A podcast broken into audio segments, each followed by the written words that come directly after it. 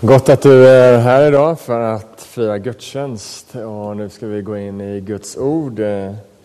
Och Guds ord är mat för oss, vi som är troende, vi som har tagit...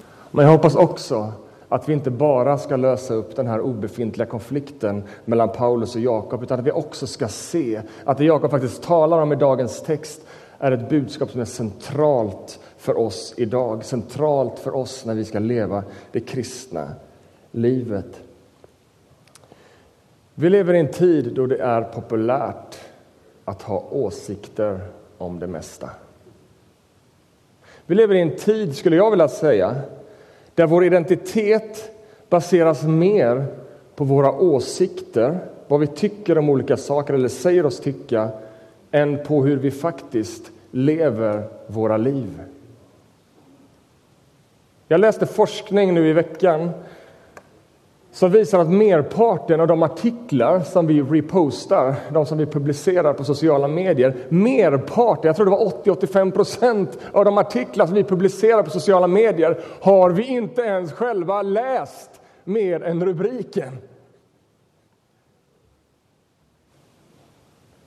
Människan 2020 löper risk att bli åsiktsmaskiner vi tycker saker, vi har åsikter om saker, vi tror saker. Men vi vill hålla det på en rubriknivå, lite sådär lagom ytligt. Inte gräva så djupt och låta det vi tror faktiskt förändra våra liv på riktigt. I dagens text så säger Jakob att tro utan gärningar är död esist, tot, kaputt. Tro är inte en åsikt. Tro är inte ett teoretiskt förhållningssätt. Jakob talar om en tro för livet. En tro som blir synlig i livet. Tro är ett liv. Om vi dyker in i texten som börjar vid kapitel 2, vers 14 så säger han så här. Mina syskon, vad hjälper det om någon säger sig ha tro men saknar gärningar? Vad hjälper det dig? Om du säger dig ha tro men saknar gärningar. Det finns ett väldigt passande eh, talesätt. Handlingar säger mer än ord. Att gång på gång säga till sin vän Åh, du betyder så mycket för mig, du är så viktig för mig, Åh, jag verkligen älskar att vara med dig. Samtidigt som du med dina gärningar aldrig prioriterar tid för den personen. Aldrig tar dig tid att ställa frågor, att prata och lyssna. Så till slut så har dina handlingar talat högre än dina ord. Så dina handlingar visar vad du verkligen tycker, vad du verkligen tror.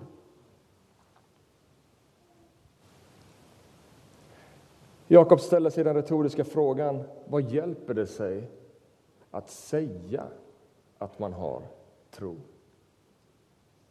Felet ligger inte i att man säger att man har tro. Problemet är om vad vi säger oss tro och vad vi lever, om det är två olika saker.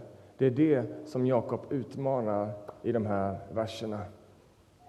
Jakob varnar för att hamna i ett läge där vi hanterar Bibeln och evangeliets förkunnelse som någonting vi konsumerar men inte omsätter i praktiken. Som något vi gärna lyssnar till, som idag. Något vi gärna pratar om, något vi gärna har åsikter om men utan att det skapar förändring i våra liv. Och han ger oss ett exempel, faktum att han ger oss flera exempel, men till början ger han ett exempel. Och han säger så här, tänk er en syster eller en broder som lever i fattigdom utan kläder och mat. Vad hjälper det att säga till dem, ta på dig kläder och ät god mat och ät dig mätt? Om vi inte först ger dem vad de behöver. Kärlek är inte ord, om vi nu tar en annan bild. Kärlek. Kärlek är inte ord, kärlek är handling. Verklig kärlek syns i vad vi gör, i vad vi prioriterar och hur vi agerar. På samma sätt säger Jakob om kristen tro. Det stannar inte vid en tanke eller en känsla utan tron vill fullbordas i praktisk handling. Vad hjälper det om någon säger sig ha tro men saknar gärningar? Och Jakob han är så skönt radikal och tydlig, obekvämt tydlig. Så är också tron i sig själv död, står det i vers 17, när den är utan gärningar. Vad är det Jakob är ute efter? Varför är han så tydlig när det kommer till det här med tro och gärningar? Och jag ska säga att nästa vers, vers 18, är central i att förstå vad Jakob menar med att tro utan gärningar är död.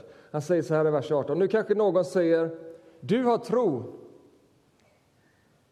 Ja, men jag har också gärningar. Visa mig din tro utan gärningar, så ska jag visa dig min tro genom mina gärningar. Jakob ger oss två alternativ. En som har tro och inga gärningar och en som har tro, men också gärningar. Visa mig din tro utan gärningar, så ska jag visa min tro med mina gärningar. Vad Jakob säger det är att våra gärningar talar högre än våra ord, precis som det kända talesättet. Våra gärningar talar högre än våra ord. Våra liv, våra val, våra beslut avslöjar och demonstrerar vad vi verkligen tror på. Visa mig din tro utan gärningar, så ska jag visa dig min tro genom mina gärningar. En tro utan ett utlopp är en huvudprodukt. Men om tron får nå ner till våra hjärtan så förvandlar den hur vi lever våra liv. Tron har inte uppnått sitt mål i oss så länge det bara är en huvudprodukt, så länge det bara är åsikter och teorier. Jakob i texten, i nästa kommande verser, så tar han till och med exemplet om demoner, ni vet ondskans makter. Och så säger han de tror också på Guds existens. Så det är inte fråga om en teoretisk tro. Ni vet, djävulens demoner, de tror på Gud och bävar därför att de vet att han har all makt på himlen och på jorden. Men vad är problemet? De har ingen logisk konsekvens i sina liv, i sina gärningar av denna tron. De vet vem Gud är, att han existerar, men deras gärningar har ingenting med det att göra.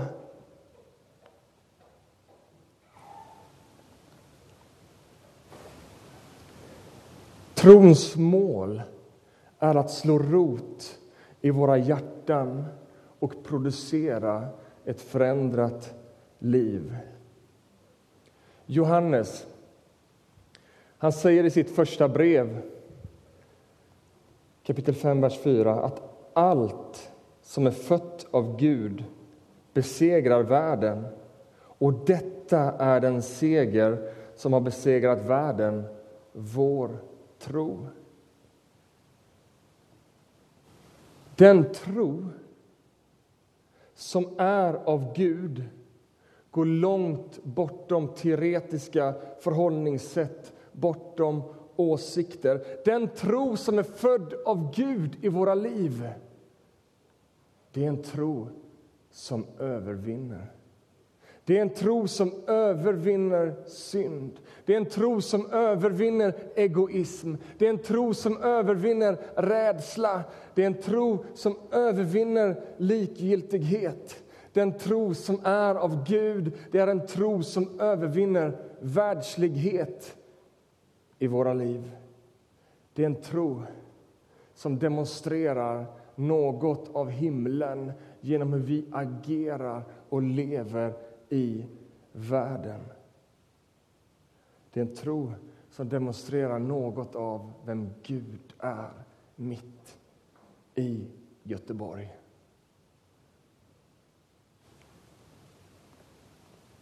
Jakob Han blandar inte ihop tro och gärningar. Vad är det här nu? Det är ett sammelsurium av tro och gärningar? Nej, Jakob blandar inte ihop tro och gärningar. Han är tydlig med vad som kommer först. Jag har tro, säger han, men också gärningar. Jag har tro, men också gärningar. Vad är det som kommer först? Tro kommer först, och gärningarna springer ur denna tron. Vårt liv, våra prioriteringar, våra handlingar demonstrerar i det yttre något av det som Gud har gjort på vår insida. Och Jakob tar ytterligare ett exempel. Han tar ett exempel från Abraham och Abrahams liv, patriarken som vi läser om i Gamla testamentet. Abraham. Och han tar den där berättelsen då Abraham blir ombedd av Gud att göra det obegripliga. Att frambära sitt löftes son Isak till offeraltaret. En otroligt märklig berättelse på många sätt. Men Gud han hade aldrig tänkt att offra Isak.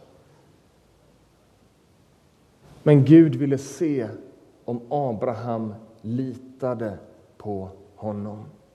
Gud ville se om Abraham hade stängt gapet mellan det han hörde och det han gjorde. Gud ville se om hans handlingar var i linje med den tro som han bekände. För om Abraham hade sagt ja, jag tror på Gud men inte hade agerat på vad Gud hade sagt men jag vet inte om jag hade hamnat i den situationen. Du ska frambära din son på ett altare. Jag bara, Gud...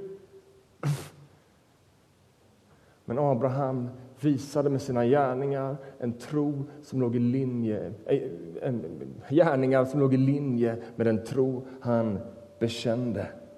Han visade att han litade på Gud på riktigt. Och texten fortsätter med att säga att Abraham blev erkänd som rättfärdig genom gärningar. Blev han rättfärdig genom gärningar? Nej, han blev erkänd som rättfärdig. Gärningarna var ett erkännande av den rättfärdighet han hade. Han blev inte rättfärdig genom gärningarna, men gärningarna demonstrerade hans tro. Gärningarna bekräftar att tron var verklig. Den tron som hade gjort honom rättfärdig blev genom gärningarna bekräftad. Hänger ni med på logiken? Den tron som hade gjort honom rättfärdig blev genom gärningarna bekräftad. Hans gärningar demonstrerade att hans tro var äkta, att det fanns en tro på hans insida. Abrahams yttre gärningar bekräftade ett inre verk av Gud. Och I det här så är det helt centralt och avgörande att förstå att han inte blev rättfärdig inför Gud genom gärningar. Därför att det är bara Jesu gärning för oss som kan göra oss rättfärdiga. Ingenting du kan göra kan göra dig rättfärdig. Bara Jesu gärning för dig. Jakob predikar inte ett annat budskap än Paulus. Men lyssna nu. Jakob och Paulus beskriver två sidor av samma mynt. Nu kommer det på skärmen här, tror jag, för nu får hänga med här. Paulus talar om hur vi får del av det nya livet genom tro på Jesu nåd alena. Jakob talar om hur det nya livet mognar och växer till i oss genom att tron påverkar hur vi lever våra liv. Två sidor samma mynt. Paulus talar om vår ställning inför Gud som Guds barn. Det sker genom hjärtats tro och munnens bekännelse. Jakob talar om hur vi som Guds barn växer till i tron. Hur Guds gener liksom börjar utkristallisera i oss och påverka oss det sker genom ett liv överlåtet till hans vilja. Det är två sidor av samma mynt. Den tron på Kristus är den som rättfärdiggör oss. Men när vi har blivit rättfärdiggjorda av honom då blir det en natur i oss som föder fram gärningar, som förde fram ett nytt liv. På så sätt är tro och gärningar så nära kopplade till varandra. Inte så att de sammanblandas men så att de samverkar. Lyssna här, vers 2.22. Du ser att Abrahams tro samverkade med hans gärningar och genom gärningarna blev tron fullbordad. Tron fullbordad. Vad är trons mål i våra liv? Tänk på det. Vad är trons mål i våra liv? Vad är Guds dröm för våra liv? Är en teoretisk tro målet? Något som sitter här uppe? Gud är ute efter sann och verklig återupprättelse. Han är ute efter en holistisk, för att använda ett fint ord, holistisk förnyelse av hela människan. Gud är ute efter ett återupprättat folk, ett nytt folk. På engelska pratar man om a new humanity, en ny mänsklighet som lever så som Gud har skapat människan för. En ny mänsklighet som lever så som Gud har skapat oss för att leva. Att tro på Gud är så långt mycket mer än att bara gå till kyrkan på söndag och tänka och tycka på ett visst sätt. Att leva för Gud är att vara en del av den återupprättade mänskligheten som lever lite mer på det sätt som Gud har tänkt att vi ska leva.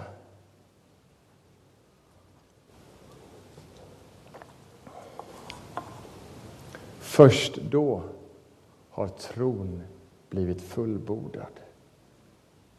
Det är därför han säger att genom gärningarna blev tron fullbordad. Om det bara hade stannat här, det hade inte varit färdigt. Men genom ett förändrat liv så blir trons verk fullbordat.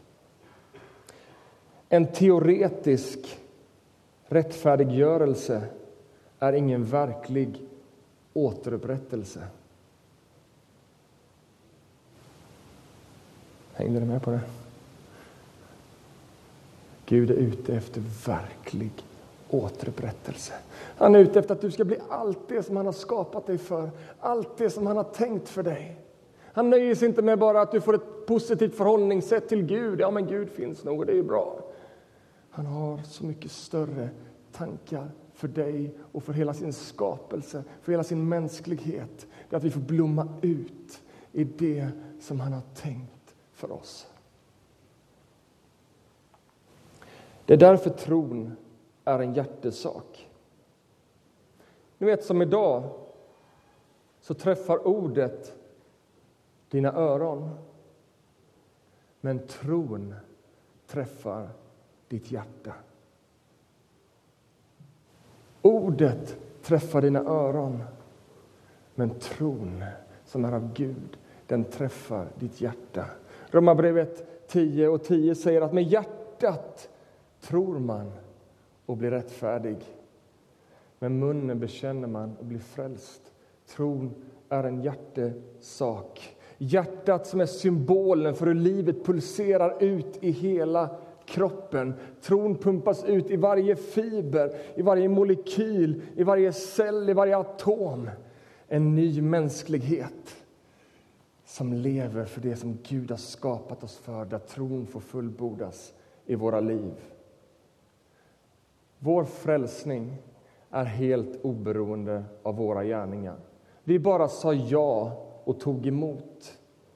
Men i frälsningen fick vi del av en tro som vill samverka med våra gärningar. En tro som har kraft att förvandla och skapa liv. Så därför är tro och gärningar inte varandras motsatser, utan det finns en samverkan. Låt mig avsluta med ett enkelt exempel som jag och Emily pratade om när vi pratade om den här texten för någon månad sedan. Tänk dig att du har fått ett nytt jobb. Det kan bara gå en viss tid från att du har skrivit på avtalet till ditt nya jobb tills dess att du faktiskt börjar att synas på jobbet. Eller hur? När kan du säga att du faktiskt arbetar på den nya arbetsplatsen? Eller från att du har köpt ett gymkort Tills dess att du faktiskt står och svettas där på Zumba-passet. När kan du säga att du faktiskt tränar på gym och går på gym? Det kan bara gå en viss tid emellan det att avtalet är påskrivet och att du dyker upp på jobbet och att du syns där på Zumba-passet eller vad det nu är för någonting som Pierre brukar gå på.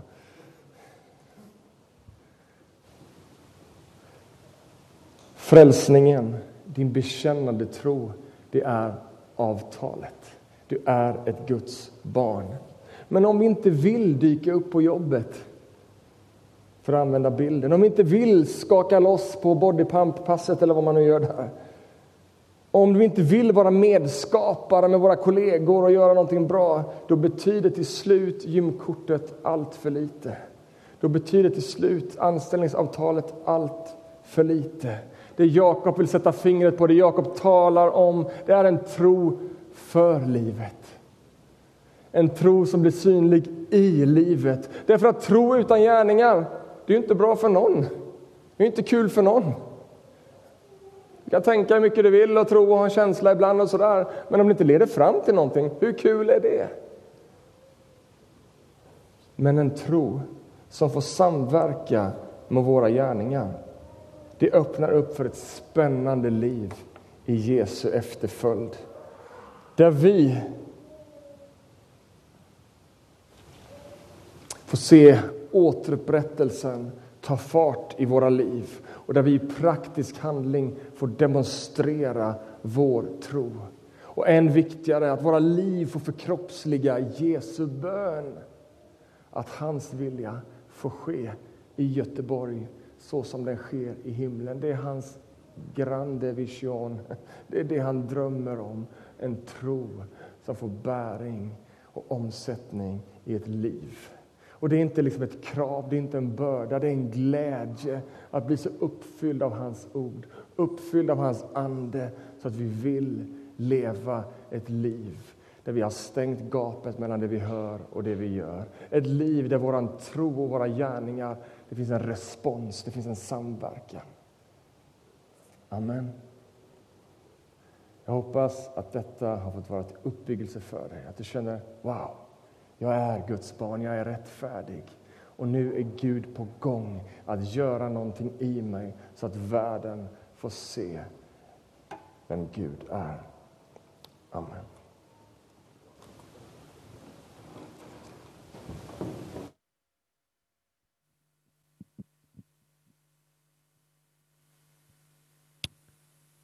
Tack Jakob.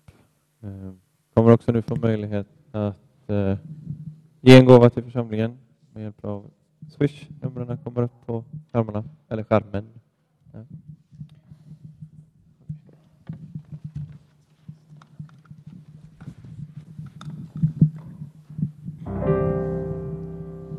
Worthy of every song we could ever sing. Worthy